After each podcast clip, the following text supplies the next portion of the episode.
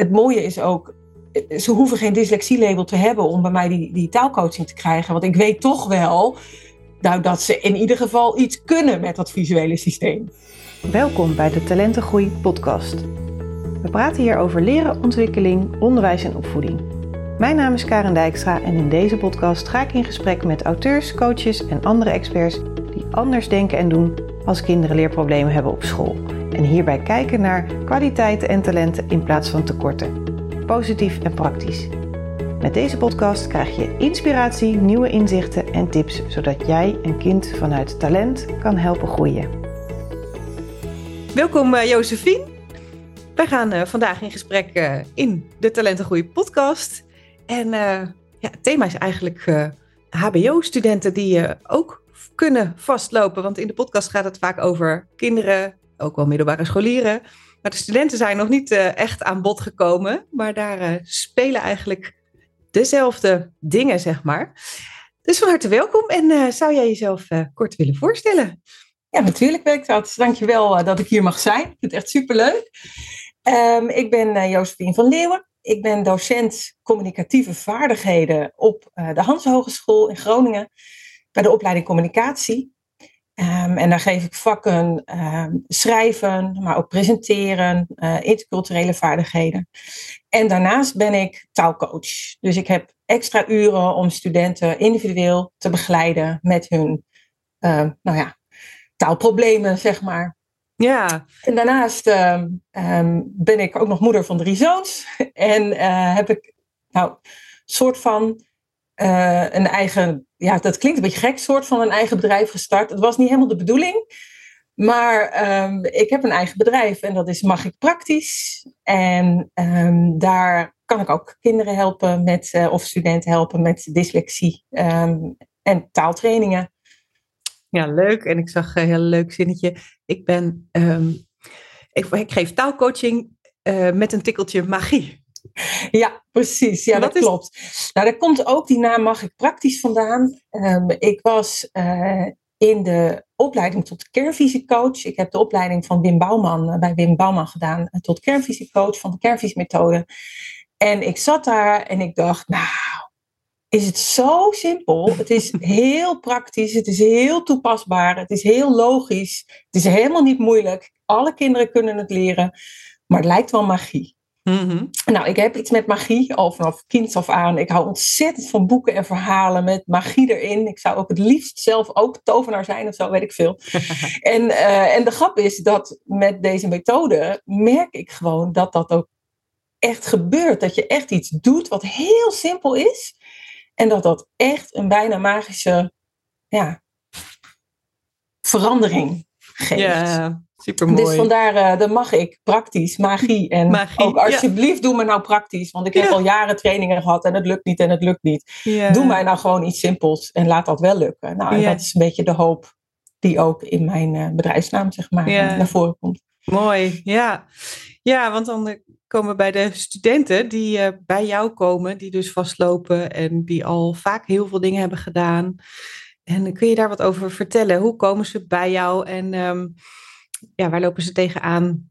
Ja, nou, ik denk dat het mooi is om te beginnen bij het begin. Ik ehm, had regelmatig gesprekken met mijn teamleider over ehm, hoe, hoe kan het nou dat wij zoveel dyslecten op de opleiding hebben. Mm, We hebben een opleiding communicatie. Hè? Ik bedoel, de, het werkveld schreeuwt om mensen die gewoon goede tekst op papier kunnen schrijven. En dat betekent ook gewoon grammaticaal correcte teksten. mhm. En dat, dat kunnen er een heleboel niet. En of ze nou allemaal het labeltje dyslexie hebben, weet ik niet. Maar dat waren er wel echt heel veel. En mijn teamleider snapte dat nooit. Ik snapte dat ook nooit. Totdat ik in de vergadering, of in de vergadering, in de, in de opleiding zat eh, van de kernvisiemethode. Mhm. En toen zag ik van wat hoort er nou bij hè, dat labeltje dyslexie. En dat is een label wat we erop plakken. Mhm. Ehm, ehm, dat, ehm, dat kinderen of studenten zijn die een voorkeur hebben voor het visuele systeem. En die dus niet zo werken als het schoolsysteem altijd gewerkt heeft. Want dat is Mhm. heel erg volgens de regeltjes. En ehm, het idee is dus dat ehm, studenten die visueel zijn, die hebben jarenlang dan met dyslexietrainingen allemaal regeltjes opnieuw gekregen. Maar ja, dat, dat werkt helemaal niet, want dan kunnen ze de regels wel. Mhm. Maar wat ik dus zag, ook in mijn eh, taaltoetsen en in bijspijkerlessen, dat die studenten vervolgens het perfect het regeltje toepassen in volledig de verkeerde situatie. Nou, dat Ja. was ik eerst aan het oplossen met, met extra lessen en dan uitleggen wanneer gebruik je nou welke regel en zo. En eigenlijk werkte dat nog steeds niet. Want dan zeiden studenten, hè, hè, ik snap het eindelijk. En toen dacht ik, nou, nu ben ik er, hè. Mhm. En dan nog op de toets lieten ze het niet zien. En dat frustreerde mij echt mateloos. Want ja, ik wil natuurlijk gewoon dat, dat die studenten het kunnen. En ik merk nu ik dus de kernvisiemethode toepas, dat dat een andere manier is van leren die die studenten veel beter past. En ehm, daar ben ik nu mee bezig. Dus ik ben nu twee jaar, even kijken, het was begin corona dat ik de opleiding heb afgerond. Dus het is nu nou, ruim twee jaar geleden dat ik eh, echt in de les zeg maar, het gebruik. Dus het eerste jaar heb ik nou, een beetje pilot gedraaid en met een aantal studenten uitgeprobeerd. Ook om mijn teamleider te overtuigen van, joh, dit, dit, dit werkt echt. Mhm. En vorig jaar en dit jaar heb ik, nou, ik denk in totaal al zo'n 40 studenten ehm, geholpen. Die ook echt significant eh, verbetering laten zien. Dus dat Mm. is echt heel tof. Hè? Mensen die het jaar daarvoor, ze moeten bij ons een verplichte taaltoets doen aan het Mhm. eind van het jaar één. Ehm, en ehm, dat is eigenlijk om, nou ja, hè, te zeggen van, goh, je moet een basisniveau hebben. Want anders heeft het gewoon geen zin. Dan kunnen we je gaan leren hoe je stijltechnisch eh, moet schrijven. Of hoe je, eh, je, je je tekst kan aanpassen aan een doelgroep. Dat is allemaal heel leuk. Maar als jij de basis van die taal niet op orde hebt, dan kun je niet Mm. verder. En het werkveld wil dat. Hè, we hebben nog steeds, krijgen, nou ik denk, zijn we niet de enige opleiding in. Eh, alle communicatieopleidingen hebben datzelfde probleem. Dat het werkveld zegt, waarom leveren jullie geen mensen af die foutloos spellen? Mhm. En ehm, ja, het idee is eigenlijk dat ehm, ik dus merk dat die studenten die dan in het eerste jaar die taaltoets niet halen. En ehm, nou, hadden ze nog een extra kans. Hm. Ja, dan gaan ze wel stressen, want anders moeten ze van de opleiding af. Hè, want anders mag je niet door.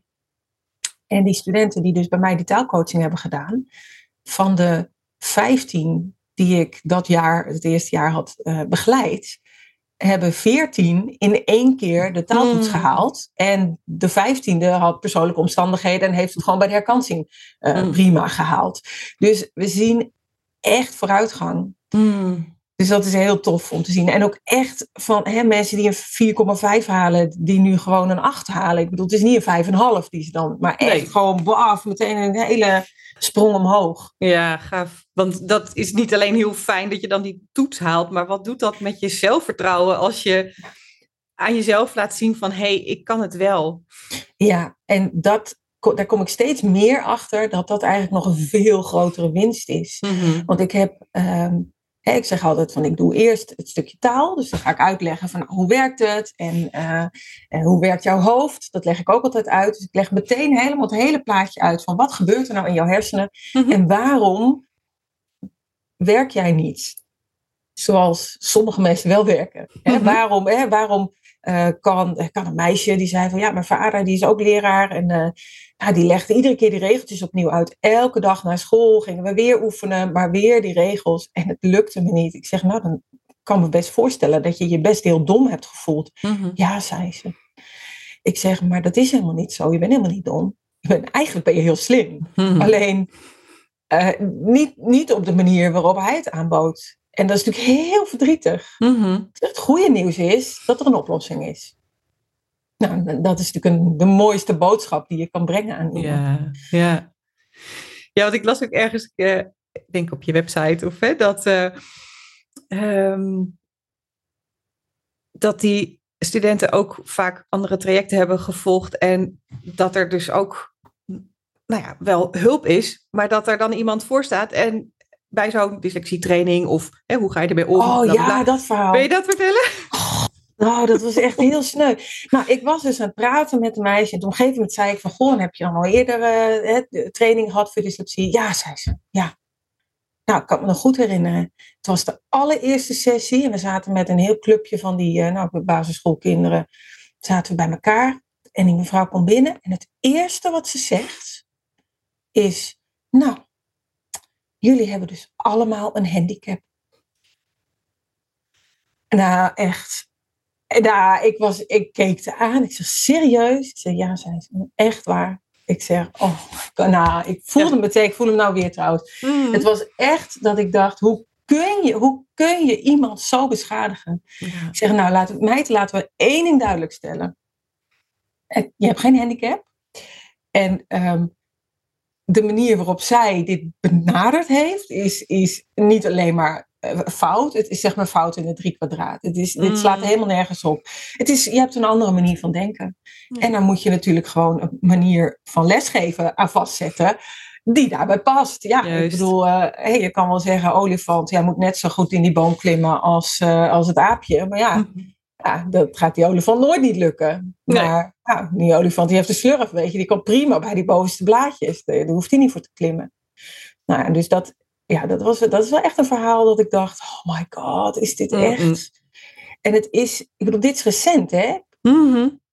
Ja, je zou denken van nou, dit is eh, van tientallen jaren geleden, hè, toen Ja. het nog echt zo gezien werd. En gelukkig, ik roep steeds ook van gelukkig komt er steeds meer aandacht voor die talenten en hè, dat het, nou ja, dat het heel veel voordelen heeft, et cetera. Maar ja, er is gewoon nog zo'n beeld, toch nog steeds, hè, dat het iets is, eh, ja, nou ja, een handicap is al helemaal een, eh, een label, hè, dat je denkt, eh jongen, jongen. Ja. En ehm, ja, dus we hebben nog heel veel werk Ja, te doen wat dat ja. betreft. Nou dat- ja, precies. We hebben nog heel veel werk te doen. En ehm, ik, ik hoop heel erg, en daarom zit ik hier denk ik ook, is Mhm. dat we, en, en daar vind ik dat jij, hè, daar ben jij zo goed mee bezig ook, en heel veel andere mensen met jou, dat heb ik wel gezien in al die afleveringen, iedereen is hiermee bezig. Dat we het eens gaan bekijken vanuit de andere kant. Mhm. Dus niet wat doet het kind fout, maar goh, wat doe je zelf als docent? Wat kun je anders doen ja. Ja. om wel het doel te behalen? Want ja, weet je, ja, dat is zo zonde als je daar geen gebruik van maakt. Ja. ja, en zeker als je ziet van waar je ook mee begon, dat het eigenlijk gewoon zo simpel is. Maar ja, je moet het wel even weten. En gelukkig weet jij het en kan jij hè, nu jouw studenten daarmee helpen. En ehm, straalt het ook nog verder uit in jullie hogeschool, zeg maar, dat jij, eh, ik kan me zo voorstellen dat jij heel graag collega's ook hierin meeneemt. Niet Ja. iedereen zal er misschien meteen voor openstaan of het snappen, of, hè, maar eh, ja.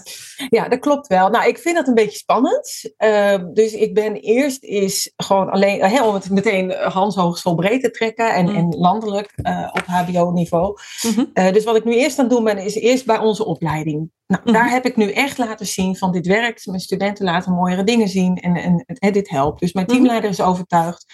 Uh, collega's zijn ook over, althans, hè, die, die vinden ook wel van, nou, dit is wel bijzonder.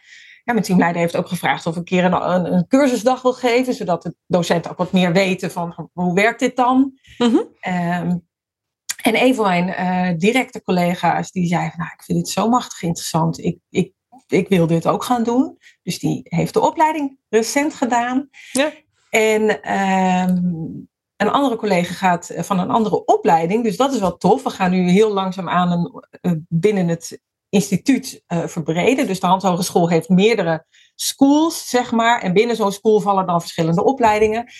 Nou, ik heb dus binnen mijn school, Mhm. heb ik nu uh, ook iemand van een andere opleiding. En nog iemand die ik toevallig vorige week heb gesproken. Die ook zei van, nou, dit is toch wel interessant. Ik ga eens even naar dat webinar luisteren van, uh, van Wim, hè, van de Mhm. kernvisiemethode. En uh, nou, die is ook wel geïnteresseerd. Dus...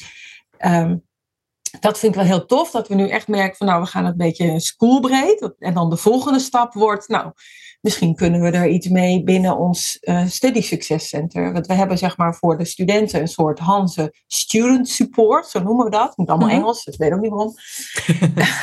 echt bizar, maar goed. Ik ben docent Nederlands hè, van huis uit. Dus dat vind ik Ah, wel- ja, ja, ja. Um, um, en bij zo'n student support, daar zit ook een dyslexie, studeren met dyslexie of studeren met ADHD, uh, effectief studeren trainingen. En de grap is dat ik, uh, dat al die cursussen, daar kun je als student gewoon heen en dan kun je Mhm. gratis je kennis krijgen. Dus dat is eigenlijk de, de kennis van studentensupport, alles gebundeld op één plek. Hmm, Nou, ik denk dat dat natuurlijk een hele mooie plek is om dit te gaan uitrollen. Zeker. Maar ik dacht, ja, ik kan met mijn grote mond daarheen gaan en zeggen, nou, dit is echt heel tof. Mhm. Maar ik moet wel iets van basis hebben. Mhm. Dus als we nou eerst laten zien van, kijk eens, binnen het Instituut voor Communicatie, Media en IT van de hand, ze doen het zo. Mhm. Wij hebben goede ervaringen. Nou, dan kun je gaan kijken naar, eh, en naar zo'n Hans en Student Support. Ja, en mijn droom is om op termijn ook echt naar de PABO te gaan. En te kijken of we het, zeg maar, en dan komen we weer terug bij de kindjes. Want het is Mhm. heel leuk eh, dat ik nu mijn studenten help. Maar oh, alsjeblieft, laat het al eerder beginnen, zeg maar. Want deze Ja. studenten hebben echt een tik van de molen gehad. Die hebben, Mhm. die hebben echt, echt schade gekregen. Gewoon emotioneel, in, in hun zelfvertrouwen, faalangst. Al die dingen die erbij komen. Ja.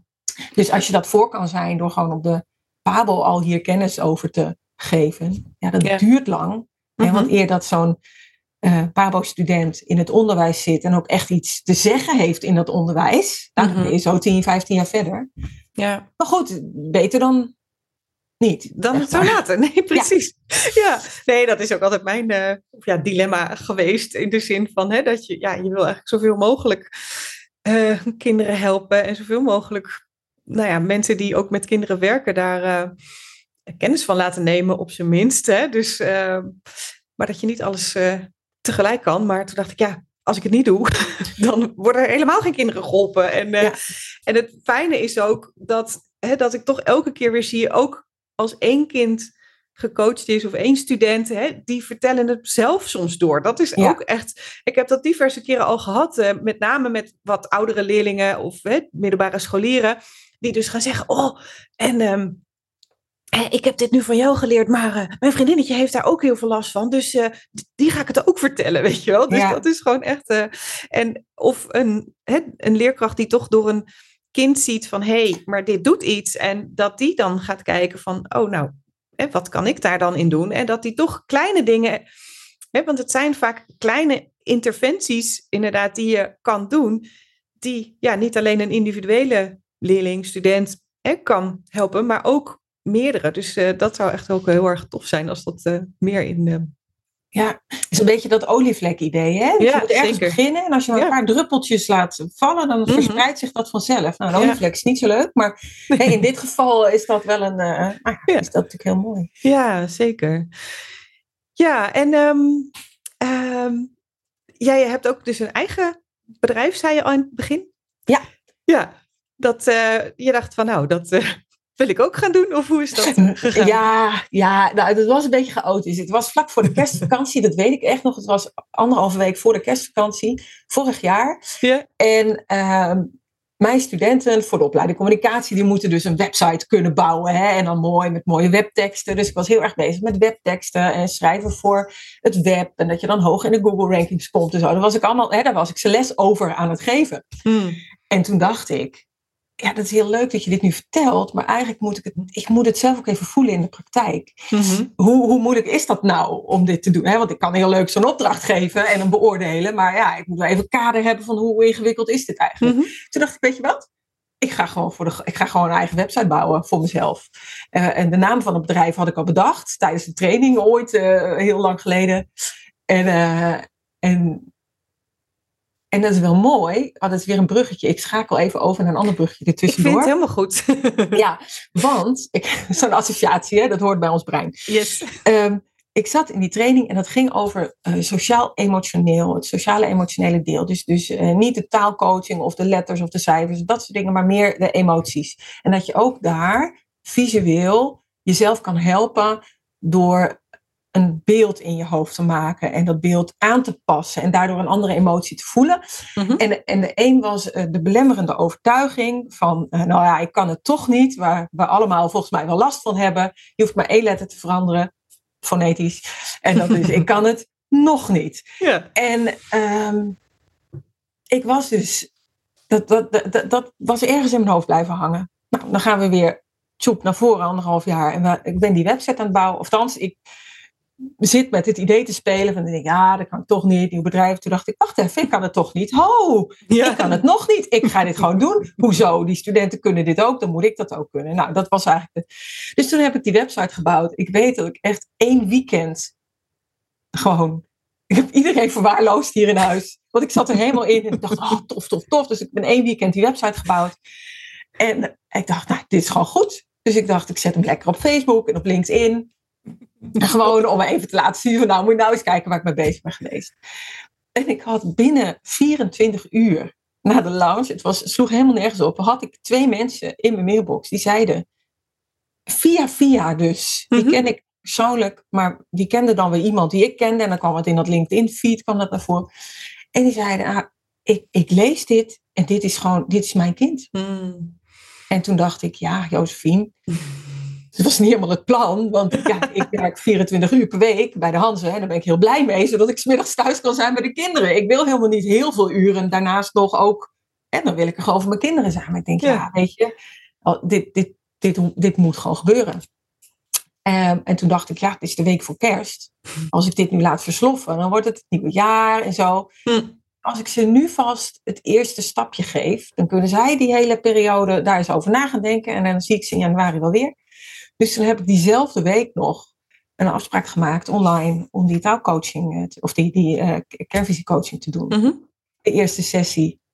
En dat was zo tof. En ze waren zo enthousiast. Het was één jongetje van negen en eentje van elf. En ehm, nou ja, je, je, je zag gewoon van, ah, dit is wel echt anders of zo. Hmm. Wat, wat, jij, wat jij hier doet. En wat ik heel leuk vind, is dat ik nu dus en vanuit thuis, ehm, wat jongere kinderen, over het algemeen zijn dat er wat jongere kinderen, Ja. en dan de studenten op school.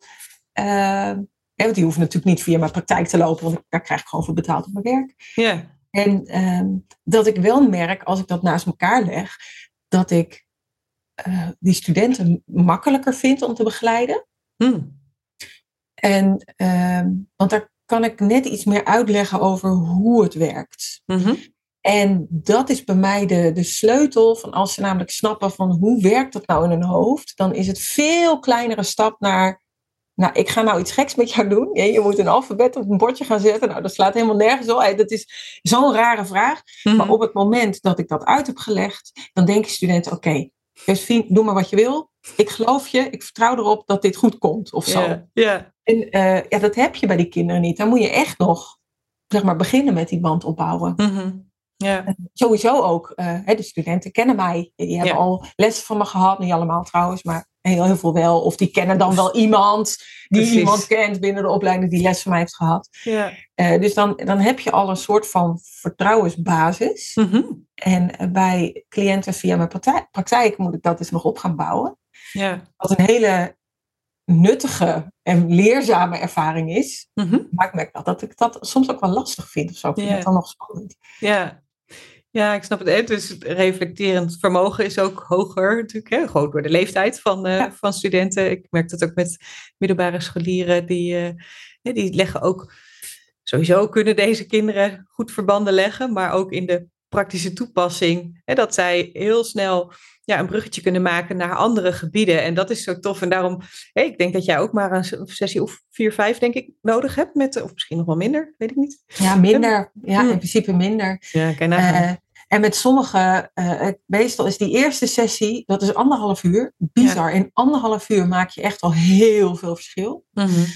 En dan zeg ik altijd, laat me volgende week even weten hoe dit allemaal landt. En ga Mhm. ermee aan de slag. En als jij eraan toe bent, ongeveer drie, vier weken ertussen, dan gaan we gewoon kijken. Dan komen we nog een keer. En dan gaan we eens kijken waar ik je dan mee kan helpen.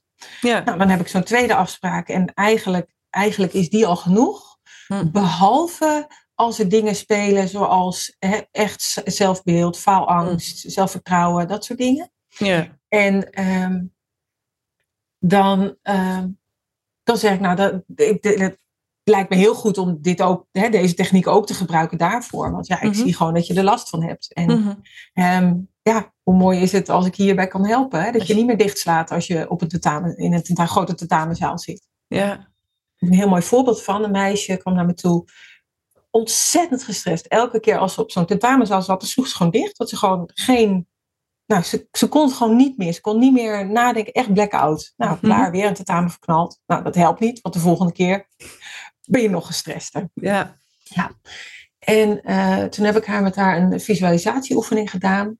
En ehm, dat had te maken met een, een kleur die ze zich moet, moest inbeelden, die dan. Hè, uh, um, zal, zal ik even uitleggen hoe die werkt? Ja? Ja. Uh, wat, wat de bedoeling was, is dat je even heel goed gaat bedenken van een, een, een situatie waar je heel trots was op jezelf. Dus echt dat je echt denkt, nou, en dat iedereen om jou heen ook echt, oh wauw, dat heb je echt goed gedaan. dus dan moet je even helemaal terug naar dat gevoel van die situatie. Oh, dat voelt echt lekker. Hè? Dan zeg je ook, ja, voelt lekker, ja. Ik zeg, nou, en hoe, hoe, wat voor kleur heeft dat gevoel? Hè? Wat, kun je daar een kleur aan geven of een vorm of wat dan ook? En um, nou, zij gaf daar een vorm aan. Ik zal niet de vorm geven, want dan uh, wordt het uh, persoonlijk voor haar. Dat wil ik liever mm -hmm. niet. Ik wil dat ze anoniem kan blijven. Maar dat had een vorm. En uh, die vorm die ah, ging op haar schouder zitten. En um, ze voelde zich meteen helemaal kalm en rustig en fijn en positief. Mm. Nou, toen zei ik van die vorm even weghalen. Hoe voel je je dan nu? Nou, dat was opeens heel kil en heel koud. Ik kan je voorstellen, dan is het mm. weg. Ik zeg, les, zet hem maar weer terug. Nou, een beetje mee geoefend van uh, weg en, en terug. En uh, ik zeg, nou, op het moment dat jij de stress schiet, op het moment dat je op het tentamen zit, je, raakt, je, voelt, je voelt hem aankomen. Hè? Je, die stress komt aan. Nou, wat je doet, je zet die vorm weer op je schouder. En dan ga je gewoon even, gewoon even zijn. Je hoeft nog niet dat tentamen te maken. Je hebt tijd genoeg. Ga eerst eventjes, nou. En ze zegt, nou is prima, ga ik proberen. Nou ja, dan hoor je een tijdje niks. En op een gegeven moment uh, was het weer tentamentijd. En ik kreeg een uh, telefoontje. En ze zegt, Josephine, ik heb gewoon tentamen gemaakt. En ik wist alles nog. En ik, mm. alles ging goed. Ik heb die vorm op mijn schouder gezet. En ik werd rustig. En ik raakte niet in de stress. Nou, ik, dat is echt, al was dat het enige wat ik deed in een jaar ja. tijd, dan was ik al tevreden geweest met de uitkomst, zeg maar. Ja. En dit is één student. Ja, ja dat is ja, maar, zo bijzonder. Ja. ja, nou ja, wie weet heb je hiermee wel haar leven veranderd. Want, Zeker. Hè, ja. Dat denk ik in ieder geval ja. op dit moment. Maar ook hè, als je verder denkt van stel dat dit zo was gebleven. Of hè, ja, dan was ze misschien gestopt of iets anders gaan doen. Of, ja. nou, hè? Ja. Nee, dus, dit was, want dit was dus een jaar geleden dat we dit hebben geoefend toen. Mm -hmm. En uh, nou, laatst zat ze op de propeduisuitreiking. Ik zeg, ah. je hebt het gewoon gehaald, hè? In één jaar tijd heb je ja. uiteindelijk toch al die toetsen nog kunnen halen. Ja, ja zeg, dat, was, dat, is, ja, dat heeft echt wel veranderd. Dat zei ze zelf ook, zeg, dat heeft echt veranderd. Mm. Ja, dus dat vind ik ook heel fijn. Dus het is, hey, ik, ik ben van huis uit taalcoach. Mm -hmm. Althans, een docent Nederlands. Ik mm -hmm. heb uh, taalkunde gestudeerd. dus taal is, is mijn vak. Maar ik merk dat ik dat interpersoonlijke, of zelfs het, intra, het intrapersoonlijke, wat echt ook wat je in jezelf hebt en hoe je met anderen omgaat en hoe je je voelt, mm-hmm. dat dat zoveel effect heeft op alles wat je doet. Hè? Dus als jij jezelf niet lekker voelt, dan, pre- dan presteer je ook gewoon minder goed op school. Ja. Dus um, wij zijn we nu, trouwens met de hele opleiding zijn we dan mee bezig om te kijken van hoe kunnen we nou zorgen dat studenten zich fijner voelen. Want als ze zich fijner voelen, mm-hmm. dan gaat alles eromheen gaat ook beter. Dus dan gaat school ook beter. Dus we Ja. kunnen heel veel aandacht stoppen in eh, de perfecte les ontwerpen. Mm. Maar als ze zich niet prettig voelen, dan gaat die les nooit binnenkomen. Dus hoe Ja. kunnen we nou student, eh, ja, we noemen het niet studenttevredenheid. Welk woord is het? Welbevinden? Welbevinden, ja, zo, precies zoiets. Mm. Ehm, ehm, hoe kunnen we dat vergroten? Dus hoe kunnen we Ja. nou zorgen dat studenten met plezier naar school gaan? Ehm, want dat is eigenlijk de basis, merken we. Mhm. En nou, daar is eh, dit één ding van natuurlijk. Hè, dat je echt één Ja. op één mensen kan helpen. Maar dat kan in groepen natuurlijk ook. Hè, zorgen dat mensen het fijn hebben met elkaar. Groepsbinding. Mhm. Ja. en dat soort dingen. Ja.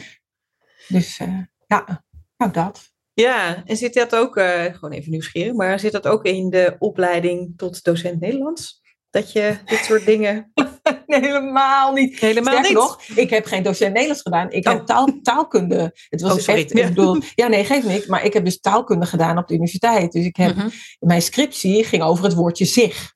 En het verschil tussen zich wassen en zich verbazen. Zeg maar, heel theoretisch. Dus, dus ja, precies. De weg die ik vanuit daar af heb gelegd naar nu docent zijn, is ook een hele interessante. Dus, Hmm. dus dat ik nu docent ben ehm, op het vakgebied, eh, is tof. Maar ik denk, als ik moest kiezen tussen Josephine, je moet nu kiezen of je alleen nog maar je vak gaat geven. Mhm. Of je mag alleen maar studieloopbaanbegeleider zijn. Mhm.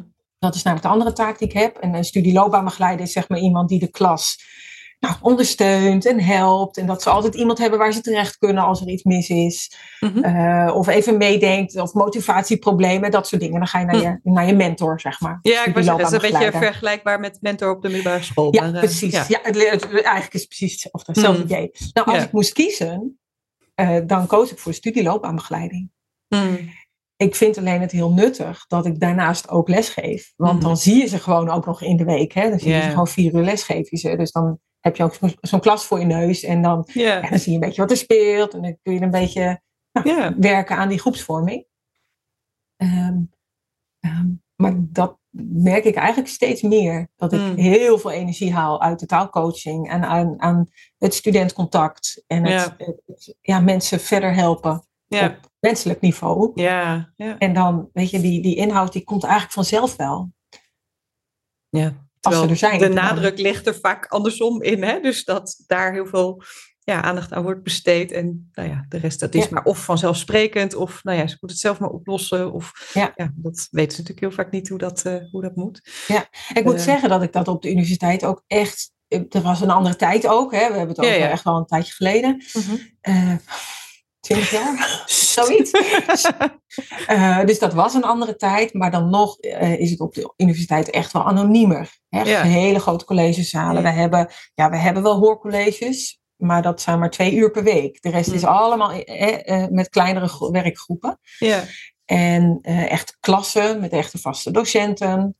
Ehm, dat, dat maakt wat mij betreft al heel veel uit. En Mhm. ik, er komt steeds meer oog voor dat studenten welbevinden. Mm. Eh, zeker sinds corona. Hè. We lezen het overal in de krant dat vooral die studentendoelgroep het echt wel zwaar heeft gehad. ja. Ehm, en daar kun je van vinden wat je ervan vindt. Hè? Want er waren ook een heleboel studenten die zeiden: Ik vond het heerlijk. Ik hoefde Mm. nergens heen. Ik kon me gewoon lekker focussen op mijn studie. Geen afleiding in de klas. Ook juist die studenten die heel snel afgeleid zijn met hè, Mhm. ADHD, Ja. ADD, welk labeltje er ook op wil plakken. ja. Ja, die vonden het eigenlijk ook wel lekker. Die kwamen veel beter aan hun, aan hun werk toe en aan Mm. concentratie toe. ja. Eh, dus er is altijd, een- hè, er zijn twee kanten aan dit verhaal. Mhm. Eh, maar ehm studentenwelbevinden staat nu hoger op het lijstje. Bij alle HBO's is dat volgens mij het geval. ja. En wij zijn er ook echt heel erg mee bezig. Ja, mooi om te horen. En eh, ook mooi inderdaad dat je die combi kan doen. Hè, Ja. Dat, eh, ja, ja. En ehm, ik moet ook denken aan, dat was nog voordat ik zelf met kernvisiemethode in aanraking was geweest. Maar ehm, toen werkte ik nog dus als onderzoeker. En toen eh, kreeg ik ook op een gegeven moment een aanmelding voor een HBO-student. Of die dan dyslectisch was. Want ja, hij liep elke keer vast. En eh, eh, nou, zijn schoolloopbaan was ook geweest dat hij eerst de MAVO had gedaan. En toen HAVO en toen HBO. En hè, dus echt, eh, nou ja, zo verder. En ik geloof dat hij ook al een keer geswitcht was. Of, hè, dus, nou goed, hij had echt veel gedaan. En nou ja, de enige vraag aan mij als onderzoeker was, is hij dyslectisch of niet? En, eh, maar ik sprak de jongen en eh, hij was zo onzeker en maar zo'n harde werker. En ehm, toen heb ik ook contact opgenomen. Ik denk dus met, ik weet niet meer precies hoe die functie heette, zeg maar. Maar in ieder geval met een dame eh, op die hogeschool die dus studenten inderdaad begeleiden. Dus hè, als ze vastliepen, misschien is het nog dan iets een gespecialiseerdere eh, rol. Maar ik dacht, nou, laat ik eens horen wat, eh, wat zij eh, kan vertellen over deze jongen. En, want nou, ik was begonnen, Karen Dijkstra, en ik heb de vraag gekregen om hem te onderzoeken. Ik had natuurlijk uiteraard toestemming om haar te benaderen. En ehm, ik zeg, nou, het is wel een enorme doorzetter, want eh, ja, als je ziet wat hij allemaal heeft gedaan en zo. En ik zeg, ehm, ik wil graag wat meer over hem weten, maar vooral van waar is hij goed in? Waar liggen zijn talenten? Wat, wat, wat... En toen bleef het eigenlijk stil. En ze zei, ja, ja, ja, het is een aardige jongen en eh, ja, hij werkt hard en hij, eh, ja, hij kan inderdaad wel doorzetten, daar heb je gelijk in. En toen dacht ik ook, jongens, als dit iemand is die één op één met een student kan werken en dat er dan nou ja, eigenlijk een herhaling uitkomt van wat ik had gezegd. En eh, niet. Maar toen Ja. dacht ik, oké, ik ga dat onderzoek doen. Ik zal hem vertellen wat de uitslag is. Maar ik heb hè, een bepaalde tijd om daarover te vertellen. En in plaats van helemaal toelichten welke subtestjes en weet, dat gaat toch, eh, hè, dat gaat hij toch wel al wel niet onthouden, omdat het niet aansluit. Ik denk, nou, ik hou dat stuk over wel of niet dyslectisch gewoon kort. En ik ga verder, had ik stiekem, zeg maar, iets extra's Ja. gedaan op, het, op basis van talent. Ik denk, nou, hoppatee, ik Wat doe het gewoon. En daar heb ik het met name over gehad. En, en hij ging weg en hij zei, ik kan toch wel iets.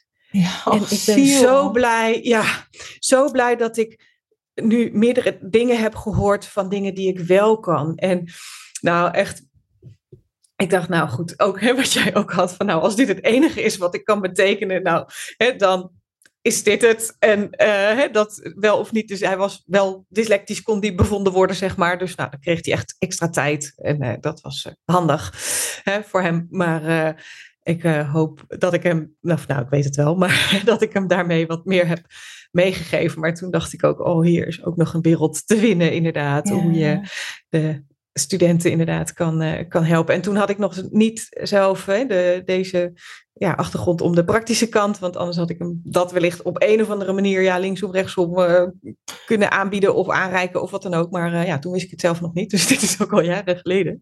Ja. Maar ja, Maar dan breekt toch je hart. Ja. Dat je denkt, waarom, waarom om het onszelf als schoolsysteem makkelijker te maken, plakken we labeltjes op, op alles wat niet helemaal precies meeloopt.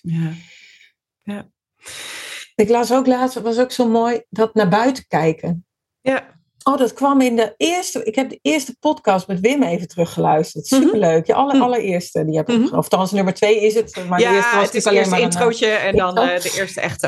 En Ja, en wat hij daar ook uitlegt, dat heb ik laatst dus ook aan een van, een van de studenten gevraagd. Van, was jij nou ook zo'n kind wat dan altijd naar buiten keek? Op school. Mhm. Ja, ik zat altijd te dromen. Ik zeg, jij was helemaal niet aan het dromen. Mensen zeiden tegen jou dat je aan het dromen was. Mhm. Jij was helemaal niet aan het dromen. Jij was hartstikke druk bezig met alles wat je hoorde. Plaatjes van te maken in je hoofd, zodat je het kon onthouden. Mhm. Ja. Oh. Dat is eigenlijk wel waar, dat doe ik. Ik kijk ook altijd weg als mensen iets tegen me vertellen. En dan zeggen ze altijd, hé, hey, hallo. Maar dan kijk ik weg, want dan ben ik inderdaad ben ik in mijn hoofd in, tot plaatjes. Oh, zei ze. Oh, wat grappig. Oh, dat ga ik tegen mijn moeder vertellen. dat krijg je dan ook natuurlijk meteen. Ja, zie je wel, ik was niet. Nee. ja, Ja, heel apart. hoe vaak die niet inderdaad van, hé, let eens op Ja. en eh, kijk eens hier. En eh, ja. Ja, Dus, eh, en nu ik dat weet, let ik ook wat meer op zelf. Mhm, Bij mijn eigen kinderen. Want ja, die hebben, is er eentje in ieder geval. Eh, heeft dit ook echt wel. mm, Eh, en dat ik dan ook denk van, hé, hey. Hij let echt wel op. mm, dan ben je een verhaaltje aan het voorlezen. Hè, voor het slapen gaan. ja.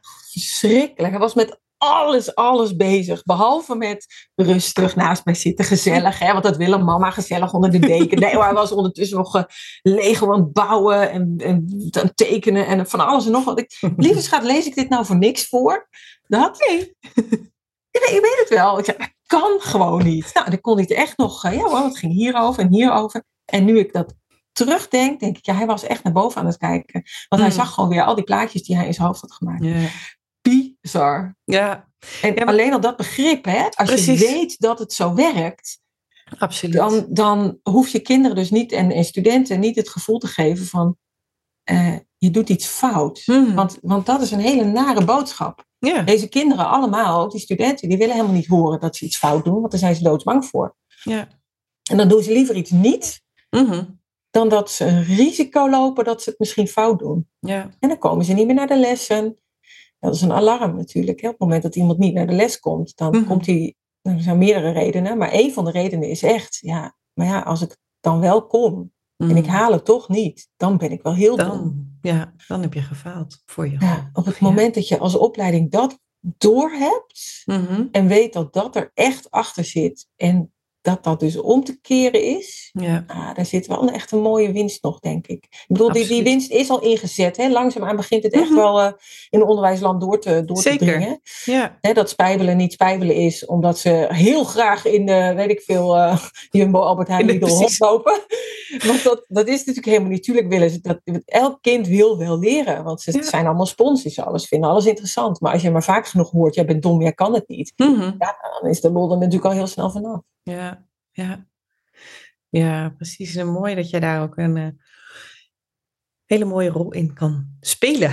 Ja, Op Ja. jouw opleiding. En eh, nou, het zijpelt nu al door naar eh, de volgende. Dus Ja, super gaaf. ik ben Ja. heel benieuwd waar dit over vijf jaar is. Mm, ja. Ja, want twee jaar geleden hadden we nog niks. Nou, nu hebben we dus binnen ons instituut, of binnen onze opleiding moet ik zeggen, is het echt wel, ik bedoel, iedereen weet me nou te vinden. ja. En de andere opleidingen eromheen gaan het nu ook doen. Mhm. Nou, ben je nog twee jaar verder. En dan ja, ben je misschien, nou ja, nou ja. Dus ik ben heel benieuwd waar dit gaat eindigen. Ja, Ja. heel gaaf. Nee, wat je net zei ook, dat begrip, want dat merk ik ook vaak als je met de docenten spreekt, hè, dat eh, die hebben vaak een hele concrete vraag natuurlijk, hè, van eh, ja, eh, als ik instructie geef, dan, nou ja, dan kan die zich niet concentreren. Nou, eh, daar hebben we eigenlijk net al het ding te pakken waar jij het net over had. Maar, ehm, en ehm, vaak zie je als je inderdaad die achtergrond kan uitleggen van die manier van denken en hoe dat dus werkt voor deze leerlingen. En, en dan zeggen ze, oh ja, nee, nu snap ik het. En dan, dan kunnen ook docenten en leerkrachten prima bepaalde dingen eh, anders doen of aanpassen. En dat nogmaals, hè, want dat, daar is vaak ook een angst voor van, oh, het is andere manier, andere methode. Nou, nou moet ik vast mijn hele onderwijs eh, omgooien. En dat is niet zo. Het zit vaak in kleine dingen en veel meer dat begrip. En ik heb nu eh, letterlijk, dit weekend kwam er weer een mailtje van een ouder ehm, met een jongen in groep 8. En ze zei, ehm, hij wil ineens van de week niet meer naar school. Terwijl eigenlijk deed hij het altijd, nou, ogenschijnlijk wel prima. Maar ze zegt, ik heb puur het idee dat, dat hij zich gewoon niet begrepen en gezien voelt. En daar gaat het om. En als je, hè, als je dat kan bewerkstelligen, als je dat kan bieden voor de eh, leerlingen en studenten, dan eh, zijn we al een heel stuk verder. Nog afgezien van de, de praktische handvatten om dan Ja. hè, echt die, nou ja, die taal of die andere dingen aan te pakken. Ja. Maar dat is. eh, dat is zo belangrijk, het, het gezien worden. Nou, ik denk Mhm. dat ik dat altijd wel, heel los van de kerstvisiemethode, vond ik dat altijd wel heel belangrijk. Dat ja. iedereen het gevoel heeft, ik mag er zijn en ik ben oké zoals ik ben. Mhm. En, ehm, en we hebben, eh, nou, zeg maar, zes, zeven klassen per jaar. En ehm, op de een of andere manier is het in mijn klasse altijd gezellig. Mhm. En eh, docenten, eh, collega's, die klagen ook wel eens. Het is altijd te gezellig Te. bij jouw studenten. Eh, want die hebben, ja, weet je, ze hebben het echt gezellig met elkaar. Ik zeg, nou, maar als ze nou van de twee uur dat, dat jij ze les geeft, een half uur echt gewoon aan het kletsen zijn, hè? worst case. Ze Mhm. echt gewoon.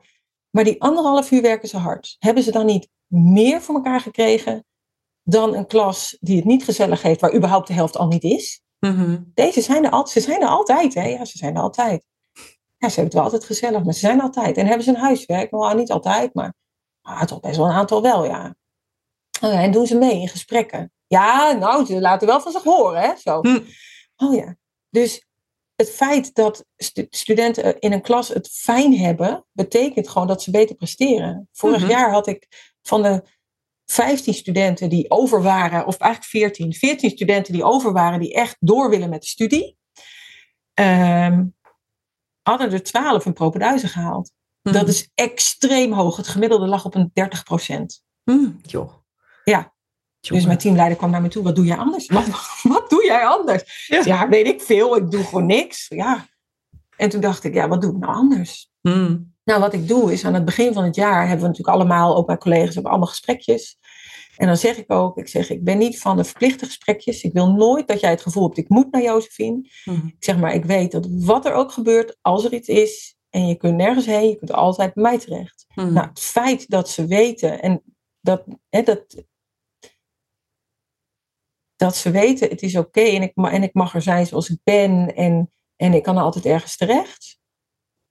Gecombineerd met ook wel gewoon hele leuke mensen in de klas hebben, moet ik ook wel zeggen hoor. Ik heb ook altijd echt wel geluk met, eh, met, uh, met de mensen die ik in de klas heb. Maar dat is denk ik een wisselwerking. Want ze Mhm. kunnen leuk zijn, omdat ze zich veilig voelen. Ja. Ja, dat is dan wel. Ik weet niet eens meer waar we, hoe we erop kwamen. Het was een. eh, Ja, nee, dat, hè, dat het, nou ja, de manier van denken en het begrip en hè, dus Oh ja, begrip tonen. Precies. Ja, precies. Ja. Dus dat je ze ziet zoals ze zijn. ja, En dat dat zoveel effect kan maken. Los van welke inhoudelijke les je Ja, ook geeft. ja, Ja. Ja, echt heel tof. Dus. leuk. Ja, Dus, ja. ja. Hey, en ehm, ja, we bespreken altijd zoveel dingen en dat ik soms niet meer weet van heb ik het, dat is ook een dingetje. Hè? Dat is er iets in mijn hoofd langsgekomen wat net lijkt of het echt is. Dus Ja, heel herkenbaar. Dus En ik, ik heb ik heb natuurlijk- dit toch al gedaan? Nee, dat heb Precies. je niet gedaan. Ja, in mijn hoofd heb ik het wel gedaan. ja, Oh, ja. en er komt nog bij dat wij natuurlijk een eh, voorgesprekje hebben gehad en eh, daar hebben we ook al heel veel eh, ja, gewoon dingen langs laten komen. Maar nog even helemaal terug naar ehm, de opleiding in combinatie met dyslexie. Terwijl hè, wij zijn niet van de label, dus het hoeft niet per se dyslexie te zijn. Maar toch, ik weet niet, heb je het nu al verteld van waarom er nou zoveel dyslectische, Oh ja, dyslectische studenten voor de opleiding communicatie, waar natuurlijk ook heel veel met taal gebeurt, kiezen? Ja, nou, dat is, dat is in de, en dan hebben we een heel mooi cirkeltje rond. Goed Mhm. gedaan, dat leer ik mijn studenten altijd. Als je iets doet, dan moet je altijd weer terugpakken naar het begin. dus we doen net alsof je het niet per ongeluk doet nu. nee, eh, ja, het idee is eh, eh, dat de opleiding communicatie is een ontzettend creatieve opleiding. Dus onze studenten die schrijven veel teksten, ja, maar dat moeten ook teksten zijn die heel goed passen bij een specifieke doelgroep of bij een specifiek product of bij een doel. Ehm, daarnaast eh, proberen we ze te leren om storytelling te gebruiken in hun teksten. Nou, storytelling is eigenlijk dat je met een verhaal een boodschap wil brengen. Eh, eh, kijk maar naar een willekeurige reclame op televisie. Eh, de duurste reclames zijn reclames waar een verhaal verteld wordt. Mhm. Waarin je emoties gaat voelen. Waarin je denkt, oh die hoofdpersoon, oh wat heeft hij naar. Of, of oh, ik kan me ermee identificeren. Oh ja, ik heb ook zin in chocola. Zo, dat.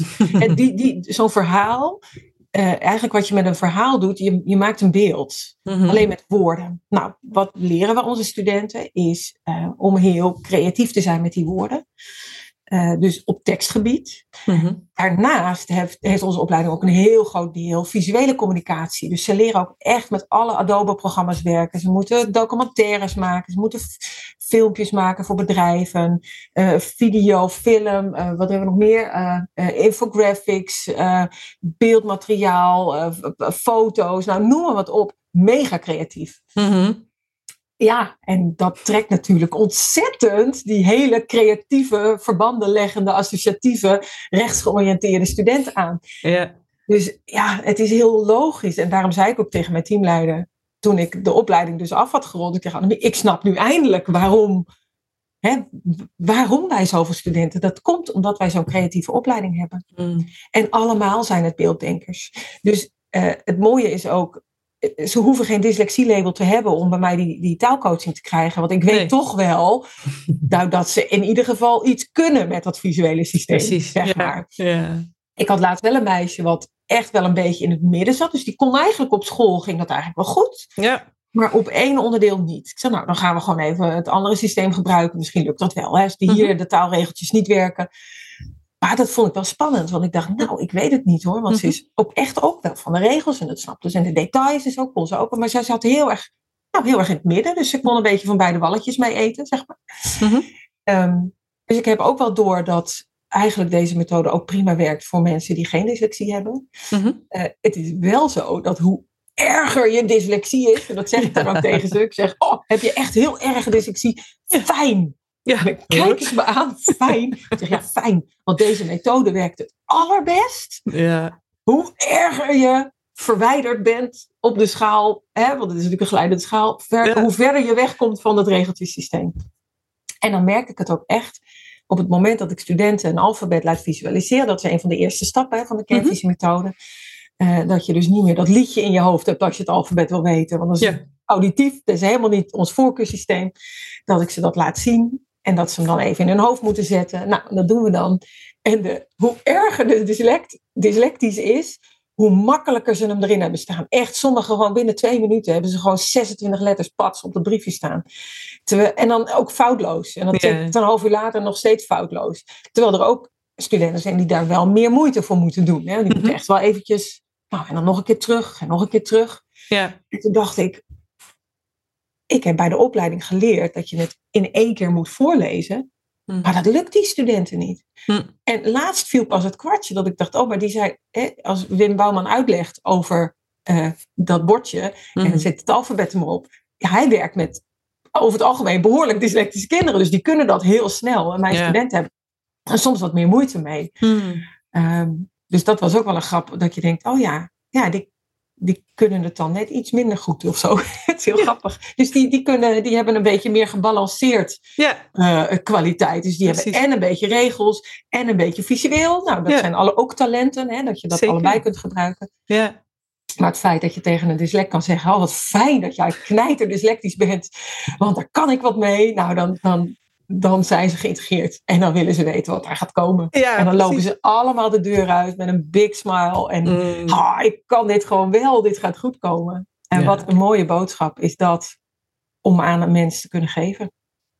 Super gaaf. En eh, ik vind het ook een hele mooie afronding. Ik zeg Dat dacht ik.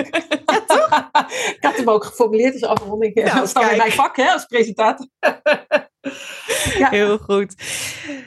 Superleuk, Josephine, dat jij hier eh, zo enthousiast ook over wilde vertellen. En eh, nou, je merkt echt ook de passie voor deze studenten. En eigenlijk ja, ook om iedereen te helpen die ja, tegen dingen aanloopt en niet het potentieel benut wat ze in zich hebben. En dat we dat nou ja, op een of andere manier naar boven willen krijgen en ze laten zien dat ze het wel kunnen. Dus ik wil je ongelooflijk bedanken voor nou, jouw eh, bijdrage in deze podcast. En ehm, je hebt dus ook, eh, mensen kunnen natuurlijk eh, ja, jou op de hogeschool op gaan zoeken, maar dat lijkt me niet zo praktisch. Maar jouw eigen bedrijf natuurlijk wel. Dus Ja, mijn prachtige website, waar ik echt heel trots op ben. moet ik zeggen. Ik vind hem ook heel creatief worden. Ik heb wel eens Ja. klooien met foto's en zo.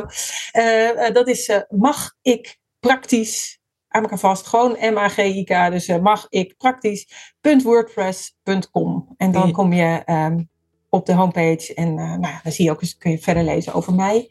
Ja. En eh, ja, mijn, mijn belangrijkste boodschap is ehm, sowieso laten we mensen ehm, zeg maar in hun waarde laten en ze helpen op hun talenten. En Dus wat dat betreft sta ik volledig achter jouw podcast. Eh, maar laten we ons niet alleen maar focussen op die kleine kinderen. Laten we de HBO-studenten, dus de, de scholieren, eh, volwassenen die hier continu tegenaan lopen in, in de praktijk, laten we die niet vergeten. nee, de grote is, eh, kinderen. De grote kinderen, precies. Want wij, jij en ik zijn ook nog grote kinderen. Precies. Zeker als het om dit soort dingen gaat. Absoluut. Eh, dan kun je je heel klein voelen als het misgaat. Zeg Ja, maar. Dus ja. laten we die niet vergeten. nee, hartstikke mooi. Dankjewel. Graag gedaan. Jij ook bedankt, Karen.